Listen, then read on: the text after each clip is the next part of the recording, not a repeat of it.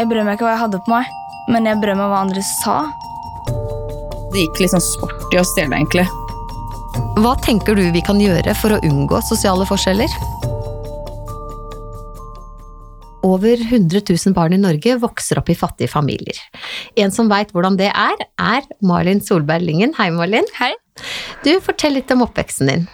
Eh, Jeg vokste opp sammen med pappa i en kommunal bolig på Sagene. Eh, Jeg har en mor som er alkoholiker, som gjorde at det ble meg og pappa, og han måtte ja, ta seg av meg. da. Var det sånn at dere ikke hadde mat, liksom? Eh, Vi hadde mat. Eh, Det var ikke sånn at jeg måtte velge mellom matpakke eller middag, for det vet jeg at det er mange barn som gjør. Men, men jeg tror at det var, det var mye, mye brødmat. Eh, det var det. Jeg hadde middag også iblant, og han kunne gi meg 20 kroner her eller 50 kroner her hvis jeg skulle ut med noen venner. Da, så kunne jeg på en måte kjøpe meg noe på McDonald's, eksempel. Men han sa også at eh, hvis vi har melk og brød, så klarer vi oss. Da er ikke vi fattige, da. Nei. Og det mener han fortsatt den dag i dag. Så det, mm. Det ble mye brødskiver til Ja. middag. Ja. Ja. Mm. Hva var det kjipeste med å ikke ha penger, vil du si? Eh, Det kjipeste var vel det at altså i forhold til bursdager og sånne ting, så hadde du ikke råd til å kjøpe en veldig fin fancy gave eller det som var inn, da. For det er alltid noe som er inn hele tiden. Eh, og når da de jentene som eh, inviterte til bursdag, fikk masse store, fine gaver av andre, og så kommer jeg med en ja, liten ting, så var ikke det sånn veldig kult. Og det ble lagt merke til, både av foreldre og, eh, og de andre barna. Og det gjorde til at jeg hadde ikke lyst til å være i andre bursdager. Jeg hadde ikke lyst til å komme selv om jeg ble invitert. Så, men jeg sa ofte nei. Jeg sa ofte at eh, jeg skulle til farfar. For det var noe jeg gjorde på den tiden. Vi var ofte hos farfar eh, i helger. Så da sa jeg det. Jeg kan ikke. Jeg skal til farfar. Hva var grunnen til at du valgte å si at du skulle til farfar, tror du? Jeg tror det var fordi at eh, det ble snakket om, ikke sant? Og det husker jeg var sårt. Det å bli snakket om at eh, hun har ditten, eller hun har ikke det, eller hun kommer med dårlige gaver, eller hun har ikke de klærne, eller hun går med skitne klær, hun har hull, i buksa, altså sånne ting, da. Og eh, jeg brød meg ikke hva jeg hadde på meg, men jeg brød meg hva andre sa, fordi jeg kan på en måte ikke noe for det. Ikke sant? Det er, hva annet skal jeg gjøre, da?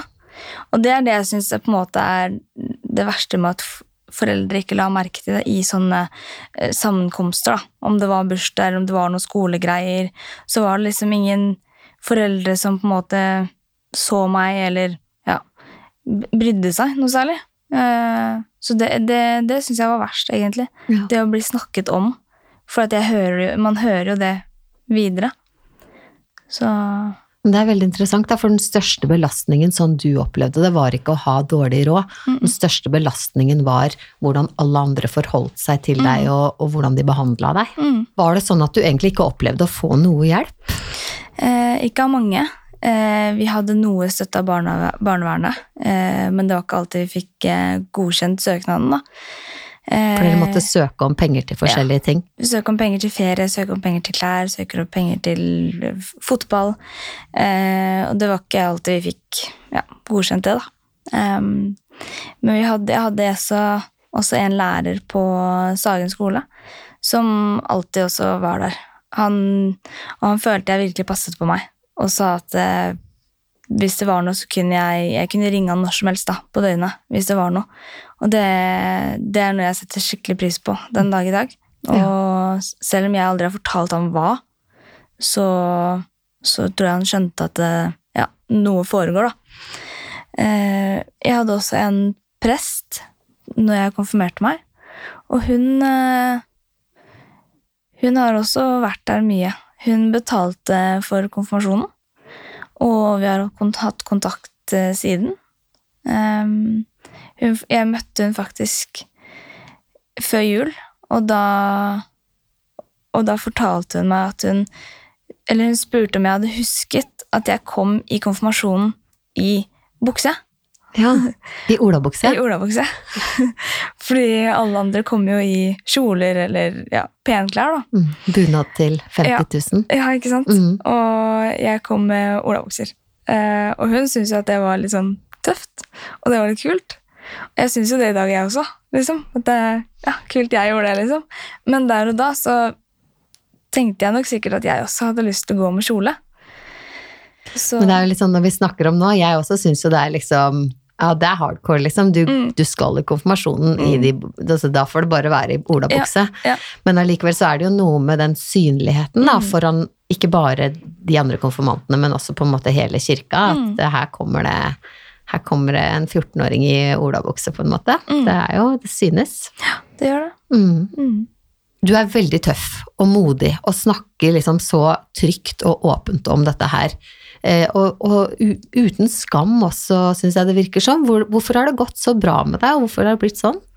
Eh, jeg har hatt eh, en organisasjon som heter Voksne for barn i ryggen siden jeg var 15. Eh, og så har jeg hatt pappa.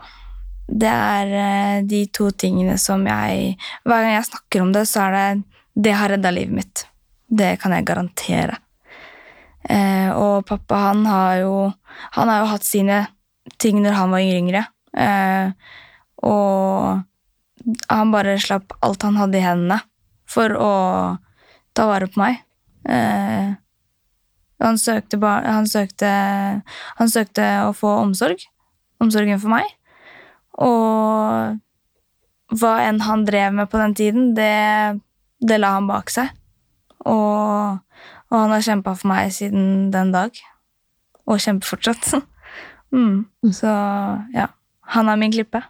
Så selv om du på en måte har bodd i sosialbolig, det har vært litt sånn rufsete kår rundt deg, Mm. eh, det har vært vanskelig på skolen og, og alle mulige sånne ting, så har du på en måte hatt han som har på, allikevel beskytta deg, da, kjennes det Mm. som. Ja. Mm. Absolutt. Hva er det vi alle kan gjøre, da, for at eh, barn skal slippe å ha det sånn som du hadde det? Jeg tenker at uh, det må bli mer prat om det. Det må være mindre tabu å prate om det. Uh, og spesielt fordi Og grunnen, grunnen er såpass viktig, fordi det er ikke vi barnas feil. Det er ikke din feil, det er ikke foreldrene dine sine feil. Uh, det er samfunnet. Det må, det må skje forskjeller, eller altså det må skje endringer. Fordi sånn som barnetrygden, den er vanvittig lav alt sånne i forhold til penger, det er altfor lavt til de som trenger det. Og når da de som ikke trenger det, også får, så blir det så urettferdig, da, syns jeg. Og da syns jeg at heller det kan fordeles på de som faktisk trenger det.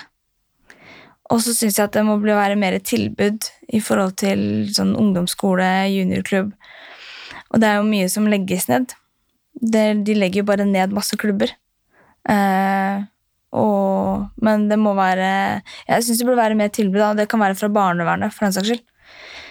Altså, det trenger ikke å være noe kjempestort, på en måte. Men og det å kunne tilbringe tid med de du er glad i, så mm, Mer tilbud, og det må bli pratet om. Fordi jeg syns ikke det er noe skam i å si at jeg og pappa hadde dårlig råd. For det er ikke vår feil. Det er ikke noe vi kunne gjøre noe med. Og da skjønner ikke jeg hvorfor jeg skal føle meg flau over det.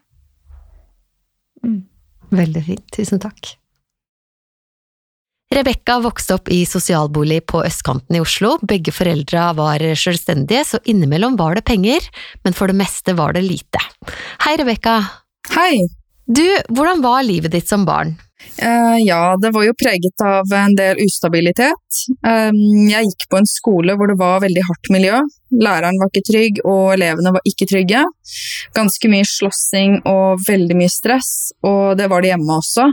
Eh, generelt så var det utrolig mye ustabilitet som skapte mye, mye stress for meg, da. Var det sånn at du kjente på at dere hadde lite penger som barn? Ja, altså det var jo ikke det største problemet, men jeg merket det jo. Eh, Jeg så jo at naboen hadde andre ting enn meg, uten at jeg reflekterte så veldig mye over det akkurat da. Eh, Men det var jo sånne ting som at jeg aldri hadde penger til godteri, f.eks.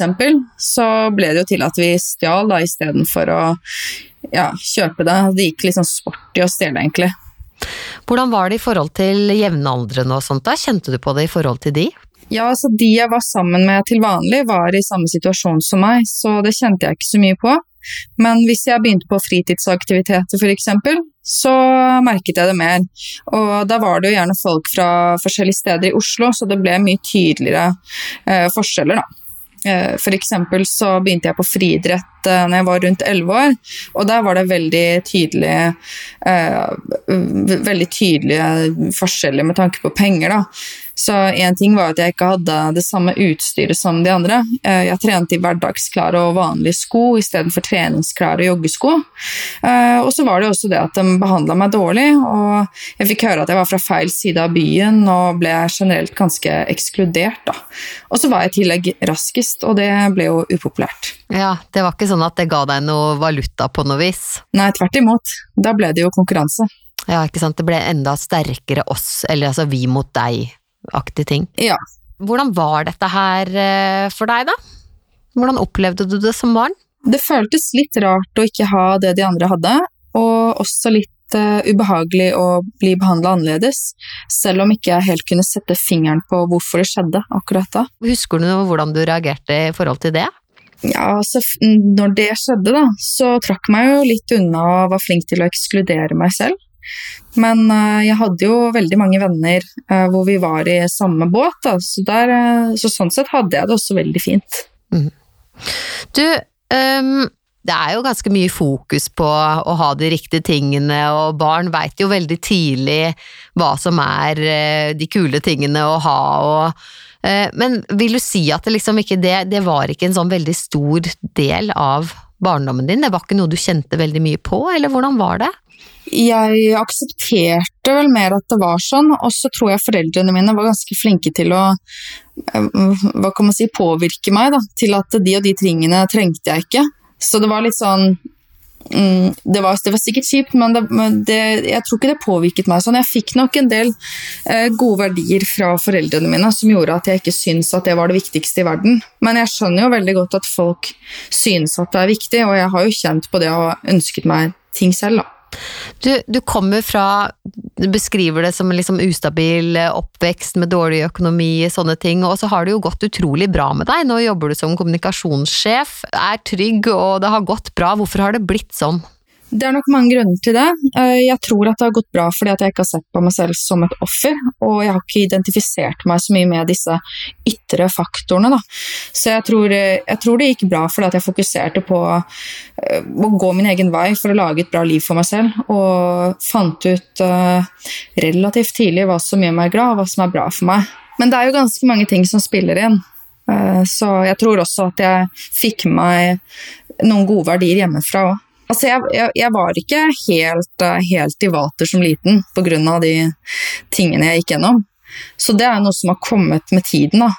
Eh, jeg var nok ganske mm, nervøs og, og, egentlig veldig veldig engstelig og stressa uten at jeg selv skjønte det.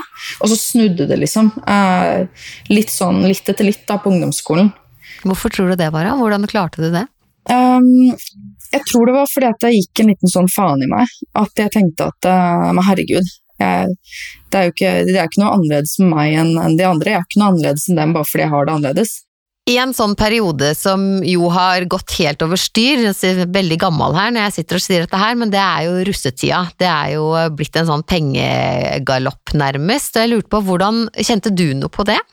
Jeg gikk på Oslo by steinerskole, hvor, um, hvor uh, alle har blitt enige om at vi skulle bruke minst mulig penger på russetida. Så jeg tror vi brukte 5000 kroner hver på å kjøpe oss inn i en russebuss. Uh, og vi gjorde liksom minst mulig med den da vi kjøpte noe sånn billig lydutstyr og billige høyttalere og greier, og tagga selv inne i bussen og malte den helt svart utapå. Og så hadde vi det kjempegøy og rulla rundt. Og når vi solgte bussen, så fikk vi igjen 1000 kroner. Så det ble jo en ekstremt billig russetid. Jeg tror jeg, jeg, jeg til sammen med både drikke og klær og russekort og buss, så tror jeg at jeg betalte en, en, en 7000-8000. Og det gikk jo fint, for jeg jobba jo ved siden av skolen, ikke sant. Sånn at det Ja, det, det går fint an å spare opp det på tre år, da, for å si det sånn. Så vi var heldige. Der tenker jeg hele landet har noe å lære av Oslo by steinerskole. Det tror jeg. Hva tenker du vi kan gjøre for å unngå sosiale forskjeller? Jeg ville jo oppfordret uh, foreldrene til, uh, til barn um, og barn som f.eks. Uh, ja, gjør narr av andre barn da, fordi de ikke har det det, det de ønsker. Jeg ville jo oppfordra dem til å, til å, inkludere barna litt, være litt nysgjerrig på, på, på hvem de er, og, og, ta de litt med inn i varmen. Hvis det er to barn i klassen som ikke har råd til å være med på noe, så, så kan jo noen steppe inn og være med på å spleise, f.eks. Uh, og så prøve, prøve å forstå at det er jo aldri disse barna sin skyld at de er fra de eh, familiene eller fra de kårene de er fra. Det er bare helt tilfeldig, ikke sant? Og også det med at eh, hvem som helst kunne vokst opp i en familie med dårlig råd. Det er ikke vits å føle at man er bedre enn andre bare fordi at man har vokst opp med penger. da. Og, og, prøve å kjenne litt på hvordan er det den fattigste personen i klassen hvordan, hvordan følelse tror man at den personen har? Hvordan, hva, hva slags? Gå litt inn i det, da. For da, da kan man relatere mer og kjenne da, da vil det kanskje gå litt bedre, da. Tusen takk for praten. Bare hyggelig.